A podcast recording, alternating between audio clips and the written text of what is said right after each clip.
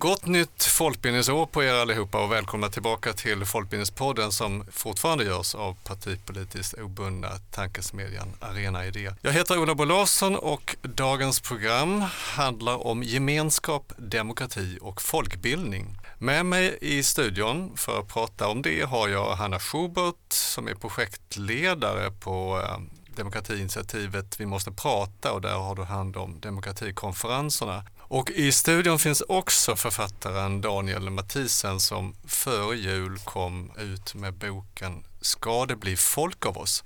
En bok om gemenskap. Välkomna hit båda två. Tack, Tack. kul att vara här. Ja, Hanna, ett av de eh, fyra syften med folkbildningen är att eh, den ska stärka och utveckla demokratin i Sverige. Så det verkar ju vara väldigt logiskt och följdriktigt med att vi måste prata projekt. Kan du lite kort berätta vad ni gör eller vad som händer just nu för folk som inte känner till detta? Ja, precis. Jag tänker att jag ska börja med att förtydliga att studieförbundens initiativ, det är alltså studieförbunden med stort S, studieförbunden i samverkan. Just det. Eh, men vi måste prata är folkbildningens demokratiinitiativ kan man säga. Det blir nästan du Ola som kanske får rätta mig här för jag vet ju att du själv var med när det här drog igång men det var ju framförallt Hedi Frid som var initiativtagare och hon finns ju inte med oss längre fysiskt men hon finns ju det eh, verkligen i tanken och i anden. Och hon kände ett starkt behov av att lyfta demokratin. Hon menade att vi måste just prata om demokratin tydligare och drog ihop ett gäng kloka människor som började prata om, jaha men okej vad ska vi göra nu då? Hur ska vi göra det här för att, för att lyfta demokratin tydligare och prata vidare om den? Och det resulterade i det här demokratiinitiativet då. Och det är ett initiativ för att det inte är ett projekt. Ett projekt har ju en början och ett slut och det här hoppas vi ska kunna fortsätta ett tag till. Vi jobbar med eh, samtal på olika sätt. Det är demokratifrukostar på olika teman varje månad. Det är konferenser, studiematerial, samverkan med myndigheter och andra civilsamhällesorganisationer och framför allt så servar vi ju studieförbund och folkhögskolor så att de ska kunna föra en massa kloka samtal om demokrati kopplat till folkbildning. Men också bredare. Det är inte bara att vi sitter och pratar om folkbildning utan det kan ju vara väldigt vitt.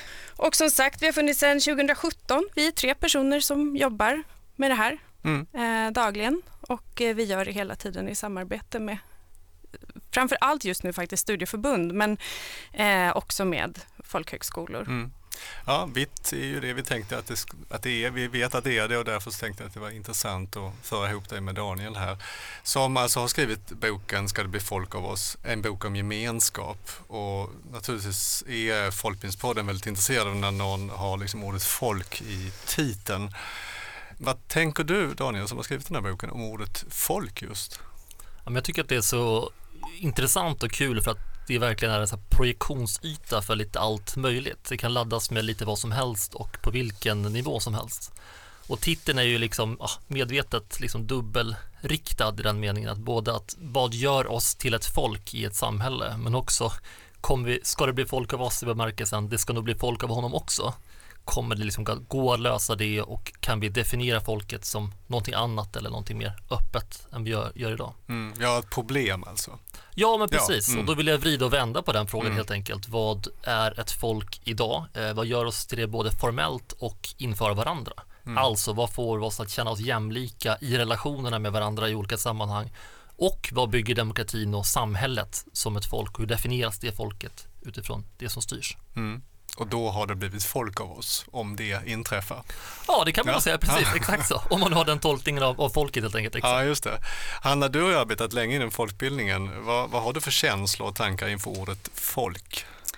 Oj, alltså många och det kan vi prata om hur länge som helst. Jag skulle gärna också fånga in jätte jättemånga i det här samtalet, för det är ju otroligt intressant. När jag har pratat om folkbildning på till exempel folkhögskola, när vi har liksom pratat om eh, vad som är skillnad mellan eh, utbildning och folkbildning, då blir det ju ofta väldigt trevligt när man presenterar men folkbildning är bildning för folket och det utgår från folket och vi lär av varandra och vi gör det tillsammans och då känns ju folkbegreppet jätte jättehärligt och trevligt. Men sen samtidigt när man kopplar begreppet folk till nationalstat, eh, inkludering och exkludering, vem får vara med och inte, då blir det där plötsligt mycket mer problematiskt, precis som Daniel också tar upp i boken på ett väldigt bra sätt. Så att, eh, det kan vara på olika sätt och jag tänker också att man kan dra in eh, ordet folklig i det här. Folklig tycker jag låter väldigt trevligt. Det är någonting som är till för gemene man. Det pratar till exempel eh, studiecirkelns grundare eller fader som vi brukar kalla honom, Oskar Olsson, pratar om att det liksom, finns ingenting som inte gemene man kan lära sig. Och det, där är, det tänker jag är kärnan i det folkliga. Men det finns ju ett förakt mot folklighet också. Så att, eh, ja, det finns fler frågor än svar här. Och det är det som är så, jag bara hugger in här, det är det som är så intressant tycker jag, att här, det folkliga eller förfolkligandet av någonting, det har ju både en demokratisk potential som du är inne på, mm. men det finns ju också en komponent som handlar om att så, det är någonting nästan ofint, att blir det för folkligt eller för tillgängligt så anses det inte vara på riktigt. Att, ja men exempelvis så folkbildning i motsats till bildning då, om man säger på traditionellt akademiskt sätt. Det är ju jättespännande. Mm. Den här boken handlar ju om gemenskap lite bredare än folket bara, men, men ändå, du, du vänder och vrider på gemenskap mycket. Eh, jag tänker bara stanna kvar där vi, vi hamnar där, för jag tänker att gemenskap, eh, folkbildningen är väl en plats där ordet gemenskap verkligen har, har en plats mer än kanske någon annanstans. Har du med mig om det? Eh, absolut. Gemenskap är ju en förutsättning för folkbildning. Vi pratar ju också om självbildning, men självbildningen sker ju inte när vi är ensamma i ett rum, utan vi för ju hela tiden dialog med varandra, med andra människor, med texter vi läser och eh, sammanhang vi befinner oss i. Och det kräver ju någonstans en gemenskap med både materialen och med andra människor. Så att, eh, absolut. Sen vet jag inte hur bra vi är på att alltid sätta ord på det där inom folkbildningen. Vi, vi kanske kommer vidare till det. Kanske först ska vi låta Daniel få prata lite grann om just gemenskap eftersom du har skrivit en bok om gemenskap. Du, på vilket sätt pratar du om det, gemenskapen alltså, i boken? Ja, men då, då brassar jag på och pratar en timme här, kör en lång monolog. Nej, men jag, det jag försöker göra är, det är väl att så här, det är uttjatat begrepp, men vrida och vända på gemenskapen, både som idé och föreställning om vilka vi är i ett visst sammanhang. Och då som ni har läst i boken, man kan läsa i boken att men vad är det i den religiösa världen? Augustinus definierade familjen som den naturliga omedelbara eh, liksom utgångspunkten för gemenskapen och att den skulle kunna spridas till hela samhället. Men också hur det ser ut ekonomiskt och hur ser den ut socialt. Eh, så den har ju både den potentialen av, av en ideolo nästan politisk ideologisk tankefigur om gemenskap, vilka som ska få ingå och en omedelbar känsla av att höra hemma någonstans, filosofiskt eller religiöst eller alltså, socialt och så. Tycker jag stötte på gång på gång, det var väl att för mig var gemenskapen, eller är gemenskapen, mycket en fråga om makt. Eh, vilka som får vara med i gemenskapen och på vilka villkor. Och det krokar in lite grann med folkbildningen, att folkbildningen från början, utgångspunkten var ju att förfolkliga bildningen och gör att även arbetarklassen och alla människor fick tillgång till det som tidigare var ett privilegium för fåtalet. På så sätt ser jag också gemenskapen, att gemenskapen idag är ett privilegium snarare än en rättighet eller en möjlighet. Hur kom det sig att du skrev den här boken? Alltså, egentligen började det med en känsla av att jag, som jag burit på ganska länge, av att gemenskapen både fascinerar och skrämmer mig lite grann. Därför att jag in, aldrig riktigt har kunnat greppa den eller förstå den.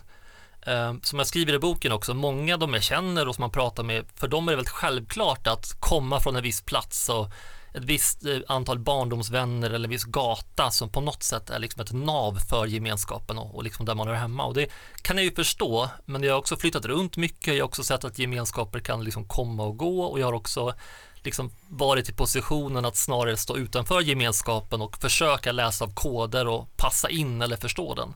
Och det är egentligen det som varit ut, utgångspunkten för att, att försöka förstå gemenskapen, hur den fungerar i mänskliga sammanhang och hur det skulle kunna överföras då till hur vi funkar inför varandra i ett, i ett helt samhälle.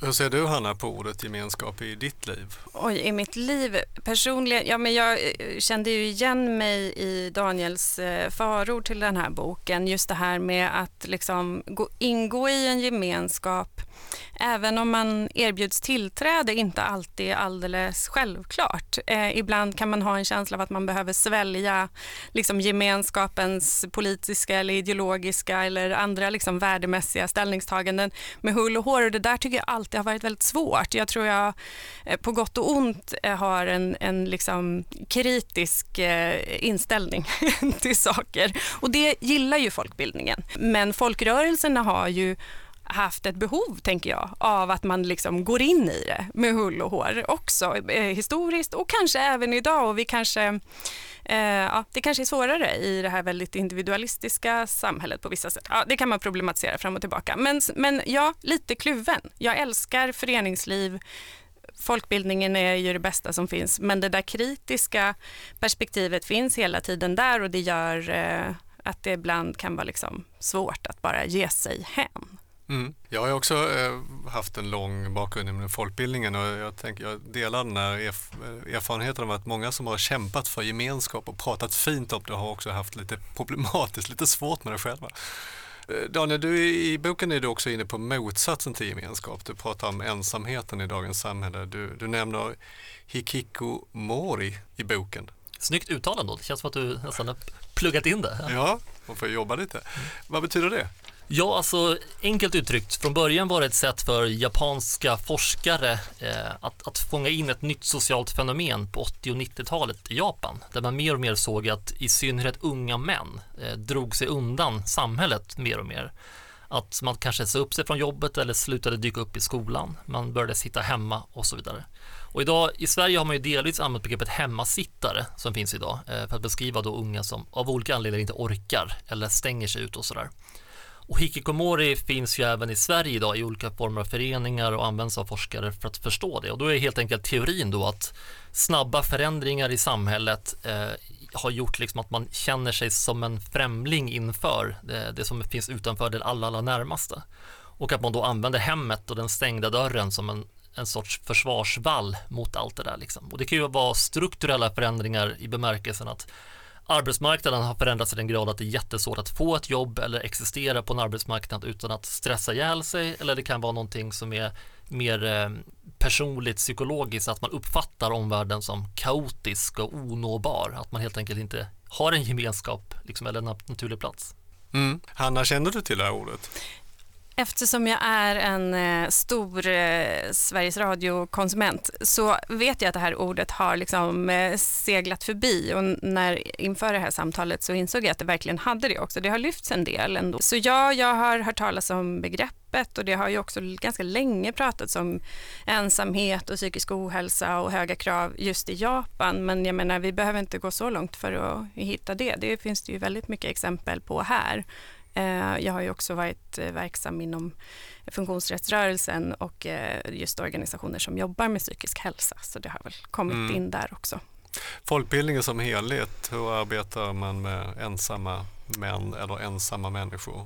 Alltså, nu har jag inte gjort någon jättestor research kring det här, men jag vet ju att Folkbildningsrådet gör en kartläggning varje år, om, eller kanske inte varje år, men de gör det regelbundet, en kartläggning av folk utanför folkbildningen. Och det är ju väldigt intressant att se vilka som inte nås av folkbildningen ur många perspektiv.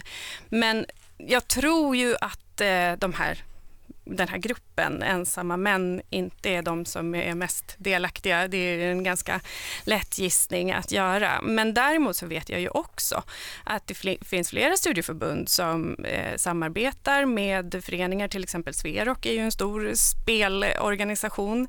Men jag tror kanske inte att det är de mest ensamma som söker sig dit. Eh. Vi måste prata projektet då. Det, det, det kan kännas långt ifrån att jobba på med demokrati men samtidigt ha ensamma män eller ensamma människor i, ena, i andra ändan? Eller? Inte liksom specifikt just riktat till den målgruppen, men det här är ju frågor som lyfts till exempel nu då när jag åker land och rike runt för att göra demokratikonferenser tillsammans med studieförbund regionalt så lyfter ju alla den frågan hur vi når ut i hela vår region, alltså oavsett om det är Västerbotten eller Gävleborg eller Uppsala.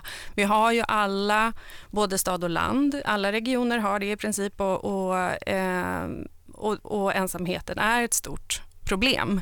Eh, sen har ju också Socialstyrelsen eh, medel man kan söka för att just nå den här gruppen och det tror jag både studieförbund och hela civilsamhället jobbar ganska mycket med. Men jag tror fortfarande att just gruppen yngre män som ägnar mycket tid på internet är svåra att nå för föreningslivet. Mm. Och där behöver vi säkert hela civilsamhället hitta nya vägar. Mm.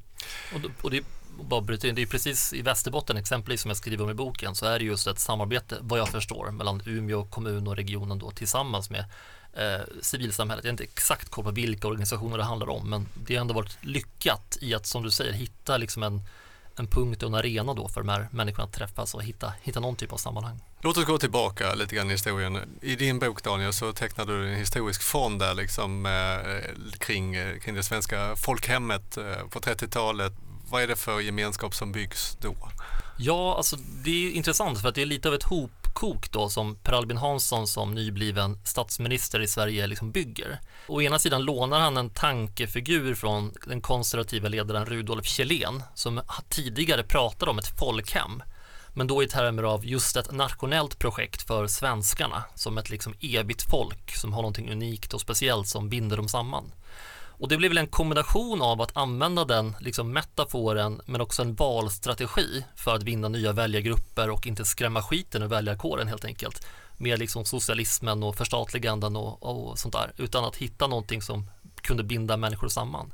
Så, så å ena sidan var ju folkhemmet verkligen eh, en förlängning av nationalismen och ett sätt att rama in nationalismen i liksom en eh, nationalstatlig skrud. Å andra sidan så bidrog ju folkhemmet till en utjämning, minskade klassklyftor och flyttade fokus just från konflikten mellan infödd och invandrad till eh, den som ägde kapital och Sverige, i Sverige och den som var eh, arbetarklass eller underklass och så vidare. Så på så sätt finns ju en dubbelhet i det. Mm. Den här boken om gemenskap är ju också en, egentligen i grunden en reportagebok. Du träffar eh, först en pensionär från Värmland som har arbetat på bruket hela sitt liv. Sen träffar du en ung kvinna från Danderyd som eh, jobbar i finansvärlden och så träffar du tre fritidsledare i Rosengård som, som eh, ja, var och en har faktiskt gått på folkhögskola och så. Om vi börjar med, med pensionären där, vad, vad lär han oss om gemenskap eller förlorad, eller förlorad gemenskap? Men jag skulle säga att han, han lär oss hur å ena sidan vilken stark potential det finns i gemenskapen men också hur bräcklig den är inför stora omvandlingar och systemskiften. Det som var intressant med då Anders som han heter var ju att han liksom började jobba i bruket och i samhället Hagfors då när det pikade, när liksom svensk industri stod på toppen och i synnerhet då liksom järn och stålindustrin. Och han fick på något sätt vara i mittpunkten för den massiva omvandling av svensk ekonomi som skedde då. Han såg lönsamheten falla och produktiviteten falla och så småningom också ojämlikheten öka. Och det är också ett tecken då på helt enkelt att den gamla kompromissen mellan ekonomisk och social utjämning och en kompromiss mellan arbete och kapital bröts så fort det inte längre var lönsamt och när marknadskrafterna drog sig tillbaka. Anna, jag tänkte hur, eh, om vi tittar på demokratifrågan från det här perspektivet som, som Daniel beskriver, vad, vad, kan eh, folkbildningen betyda för gemenskapen i, på till exempel landsbygden idag? Massor. Eh, och det kanske inte räcker som svar, men, men, nej, men om vi åker upp till Västerbotten igen då, där vi då ganska nyligen gjorde en konferens, så är det för dem tydligt, och det känner säkert många studieförbund igen sig i, att där studieförbunden finns närvarande med eh, verksamhet, det är ju både kultur och eh, ehm, ja, bildning eh, på olika sätt, eh, så är valdeltagandet högre. Jag vet inte hur, man har liksom kanske inte tittat på alla kommuner, det borde vi kanske göra, men, men det kunde de i alla fall se i Västerbotten. Och det tänker jag ändå är ett tecken på att folkbildning och demokrati eh, när varandra. I samband Daniel med att du möter den här finanshajen här på Stureplan så, så lyfter du begreppet finansialisering av samhället. Vad menar du med finansialisering? Snårigt ord, eller hur? Det, ja. Man borde hitta på ett bättre på svenska. Eh, nej, men det innebär väl, det, om man går tillbaka till egentligen till Anders och det stora skiftet i Sverige, liksom ekonomiskt och socialt, så hänger ju finansialiseringen samman med det. Helt enkelt att det nyliberala projektet innebar en förflyttning från liksom reell produktion och reell tillväxt som bygger på liksom industri och skapa produkter och varor och tjänster till en liksom fiktiv spekulativ ekonomi som bygger på ja, eh, finansvärden och börsvärden som ska gå upp. Eh, och det har ju egentligen inneburit att i takt med att politiska partier och politiska församlingar har omfamnat det projektet så har större och större delar av samhället också blivit bundna till och beroende av finanssektorn och finanskapitalet. Och idag ser vi det väldigt tydligt att välfärden och skolan och vården eh, ofta villkoras och tuktas av liksom finans, eh, riskkapitalbolag snarare än att det är politiker och medborgare som, som faktiskt beslutar om det. Så enkelt uttryckt kan man säga att det har varit ett skifte från verkliga värden och verklig tillväxt till liksom spekulativa värden som, som lägger grunden för hur vi kan utforma samhället och, och välfärden och så vidare. Jag måste bara säga att det blir en sån väldigt effektiv och tydlig kontrast mellan Anders då som berättar om de här valsarna och stålet och så och sen så kommer den här tjejen inne i Stockholm som liksom producerar vadå? Siffror siffror på ett papper och, och, som just är extremt abstrakt för säkert ja, framförallt omvärlden men kanske även för de här inblandade människorna. Mm. Ja, säkert om man tar, om en, en förändring sker långsamt och gradvis så är det nästan svårt att förstå den medan det händer. Det blir som grodan i en kokande eller en kastrull som börjar koka. Men ser man de stora skiftena och placerar dem i sin tid och, sin tid och sitt rum, då blir det ju väldigt stark kontrastverkan, verkligen. Alltså. Mm. Och Det känns ju också som att Anders han har en, en stark stolthet, ja, men både kanske i sitt yrke men också i det fackliga engagemanget, i att det blev omklädningsrum på fabriken och så vidare. Och så vidare. Och Det där är ju så väldigt konkret och det motsvaras inte av någonting idag. Mm, verkligen. Och går på tvärs lite grann tycker jag med nidbilden av bruksorten som någon typ av tryckkokare för liksom missnöje mot invandring och att man bara är bitter. Utan tvärtom, Anders bild som många vittnar om är ju snarare att vi har allt det här tack vare det engagemanget, tack vare föreningar, folkrörelser som, som orkade organisera och samla människor. En annan utveckling av, av, i Sverige möter du när du pratar med de här tre fritidsledarna i Rosengård när de lyfter, både de och du sen också lyfter liksom den ökade rasismen eller vad är det de ser eh, och, och du ser i, i det perspektivet de senaste decennierna? Ja, men de, de uttrycker ju väldigt klart en så frustration över det de ser, att de möter ungdomar dagligen som behöver hjälp, behöver varandra, behöver en gemenskap, men som gång på gång liksom tilltalade på ett sätt som gör att de exkluderas. Och jag skulle säga att det ringar liksom in nationalismens problem, att den kommer alltid förutsätta en sortering en skiktning och en exkludering av vissa människor. Hur gärna man än pratar om att det kan finnas en inkluderande nationalism och den kan se ut på olika sätt så går det inte att komma bort från det, att det har en sån mekanism helt enkelt.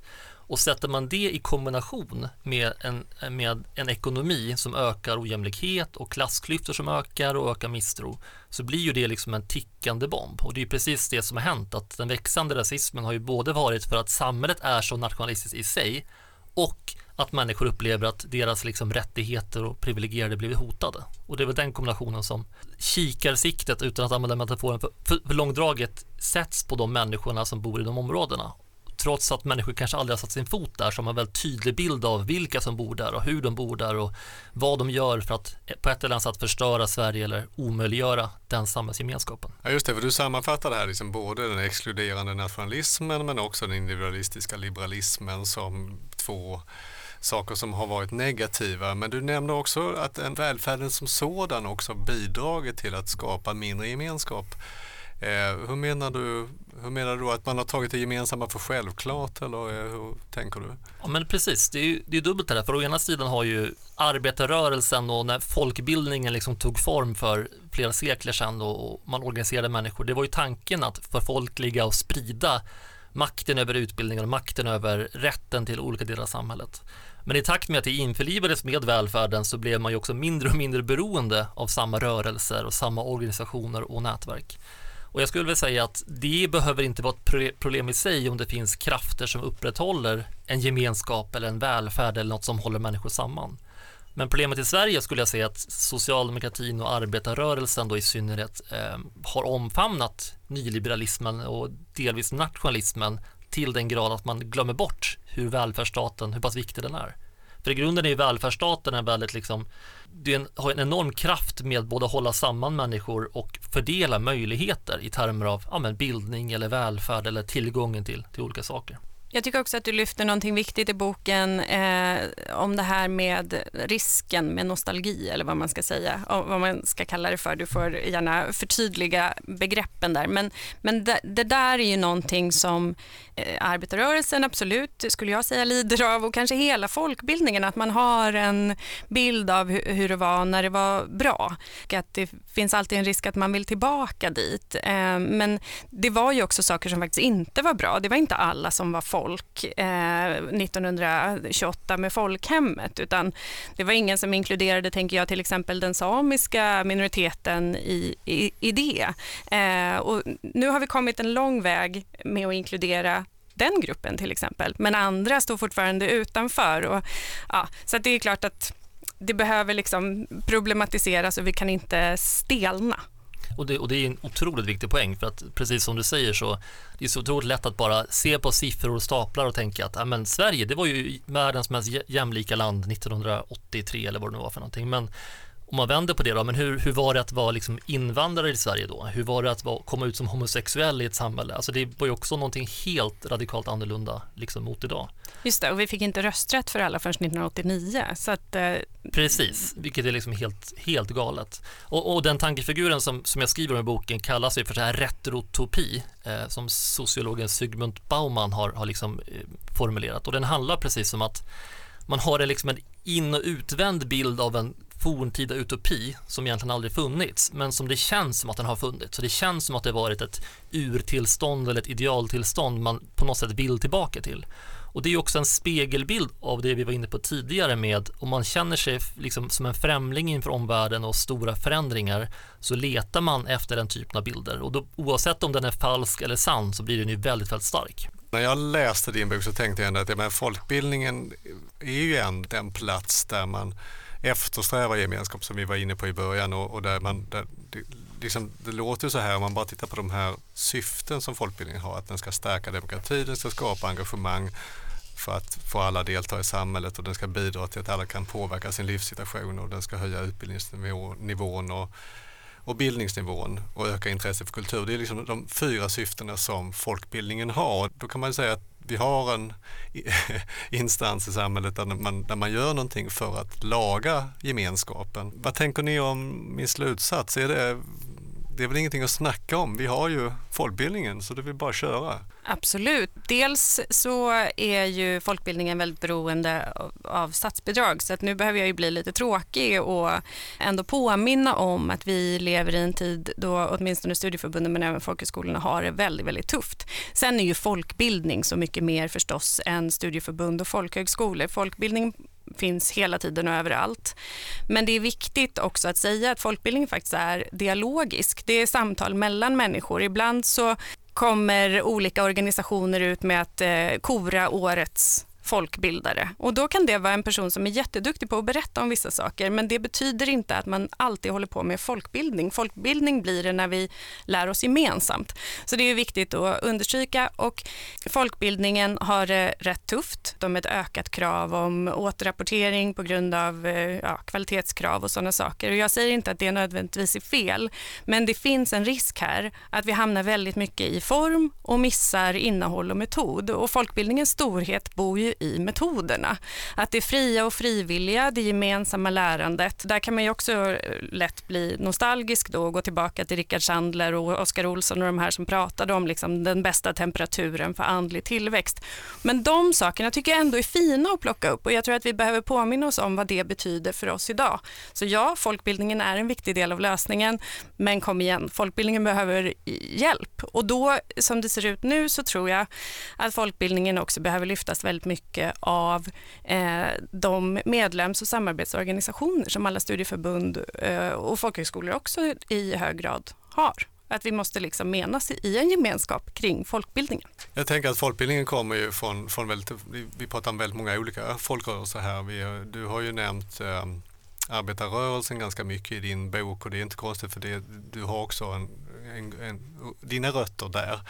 Men det finns ju religiösa rörelser, eh, olika civilsamhällsrörelser som, som inom folkbildning som har fokus på idrotten, på nykterhet, på scouting, på andra politiska partier. Jag nämnde de här fyra syftena och om vi då pratar om gemenskap och vi tänker framåt. alla har inte den klassanalysen som du beskriver lite grann här, eller analys av, av det, det moderna samhället, kan man, kan man ändå syssla med gemenskap, att skapa gemenskap utan en sån analys, eller är det naivt? Absolut inte. Jag tror, eller jag är fullständigt övertygad om att alltså, för mig är det så att demokratin och därmed folkbildningen eh, har ett egenvärde och är liksom överordnat andra uppfattningar eller ideologier och analyser av samhället. Att eh, man kan tycka väldigt mycket om fördelning och man kan tycka om saker och ting men bildade upplysta människor för mig är någonting som, som står över mycket annat. Eh, och Folkrörelse Sverige har ju sprungit ur tanken om att samla, bilda och påverka. Och jag ser det lite grann som så att det går liksom inte att plocka ut en del av folkbildningen att en enskild person går en kurs som man tycker är kul eh, från det stora sammanhanget. Och det är lite grann som att vända på det om vi tar eh, problemet med psykisk ohälsa eller människor som upplever sig som ensamma så går det inte att isolera det som ett enskilt problem. Det är ett problem som tyder på någonting i samhället. Och så är det ju med folkbildningen och demokratin som jag ser som länkar till varandra. Att det förutsätter det.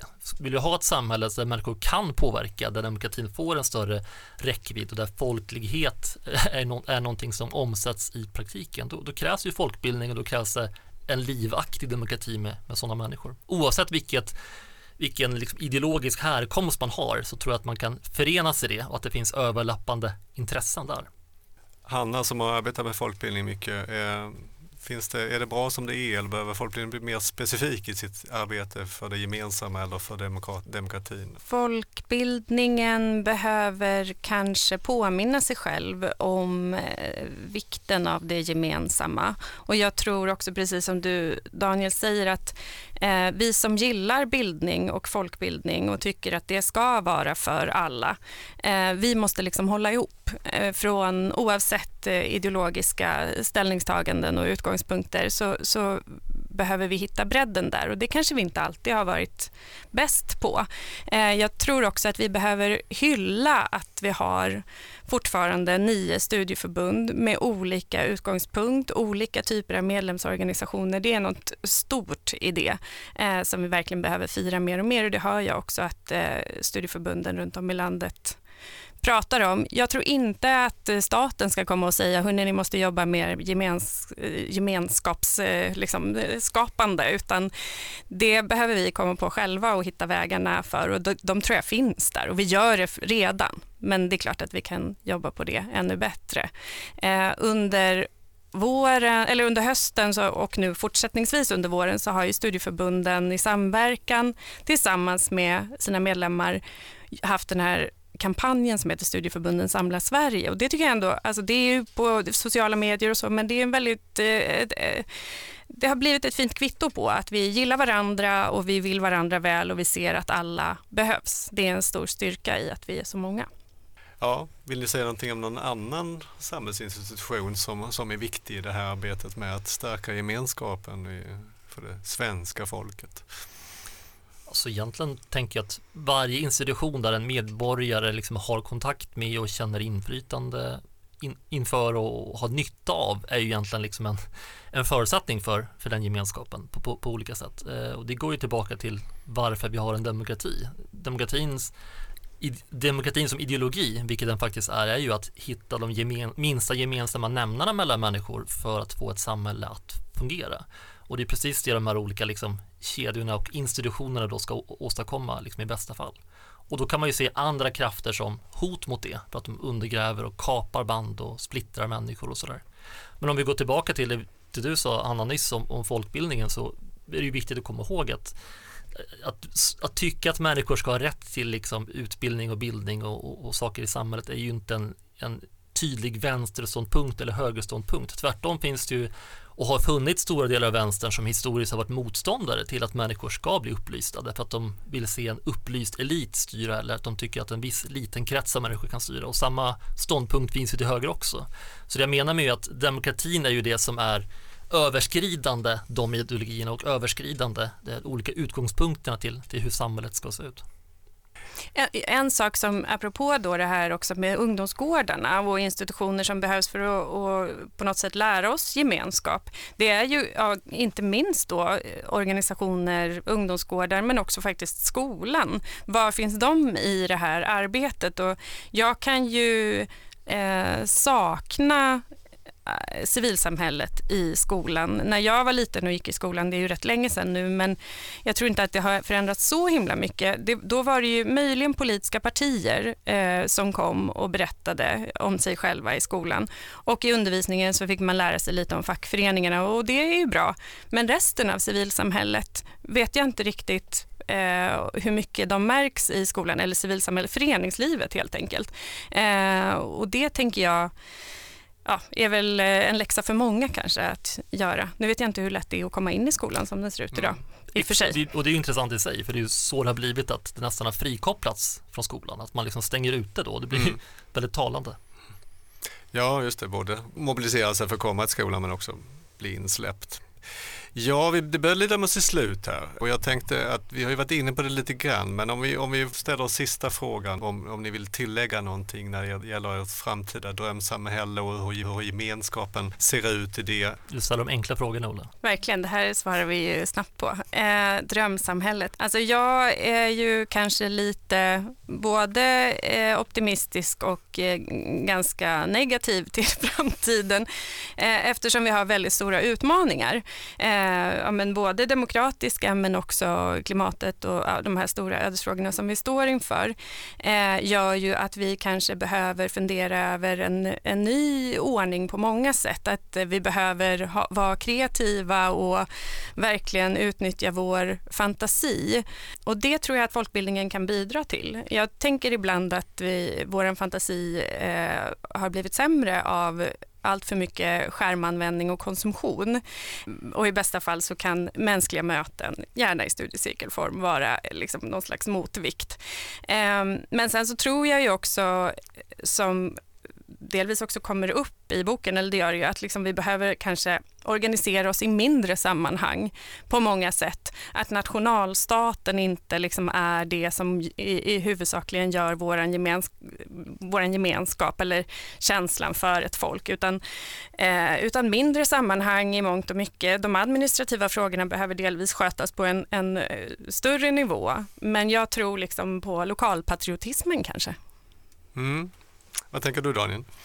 Men jag, jag krokar faktiskt i det, för jag, jag tänker samma sak, att alltså, ett framtidssamhälle som, som förverkligar den tanken om att den människa som sitter hemma, oavsett om det är en bruksort eller en förort eller på landsbygden och känner att någonting är fel eller jag är förbannad och upplever och har konkreta verktyg för att påverka, det är ju också en människa som både ingår i demokratin och, och kan, kan förändra saker liksom i praktiken. Och det handlar ju om precis det Hanna säger, att Finns det inte så skapar det också ett samhälle där, där gemenskapen liksom omöjliggörs på, på olika grunder. Och då tänker jag att varje människa ska ju också ha varje människa ska ha rätten att påverka de beslut man också berörs av och det handlar oavsett vilken nivå det ligger på, om det är en på lo lokal nivå i bygden eller om det är en europeisk nivå. Så i förlängningen tänker jag att ett sådant samhälle måste ju se ut på det sättet och lyckas man också frikoppla Eh, identitet och gemenskap från hur man ska styra det politiskt, vilket jag tror att man behöver göra, så blir också friare vad man väljer och upplever som sin egen gemenskap. Man får definiera den själv. Den blir mer flexibel och den blir mer inkluderande. Och då är ju liksom spelar det ingen roll om man liksom gillar, eh, man känner gemenskap i svenskheten eller hiphop eller stickning. Den blir så att säga både flytande och självvald och liksom därmed mer demokratisk tänker jag. Mm. Nej, men det var väl ingen svår eh, fråga att svara på. Det är perfekt, då har vi det. Tack så hemskt mycket för att ni kom hit, eh, Daniel Mathisen och Hanna Schubert. Eh, och tack för ni som har lyssnat. Vi ses igen, hej då. Tack, tack. Tack, hej.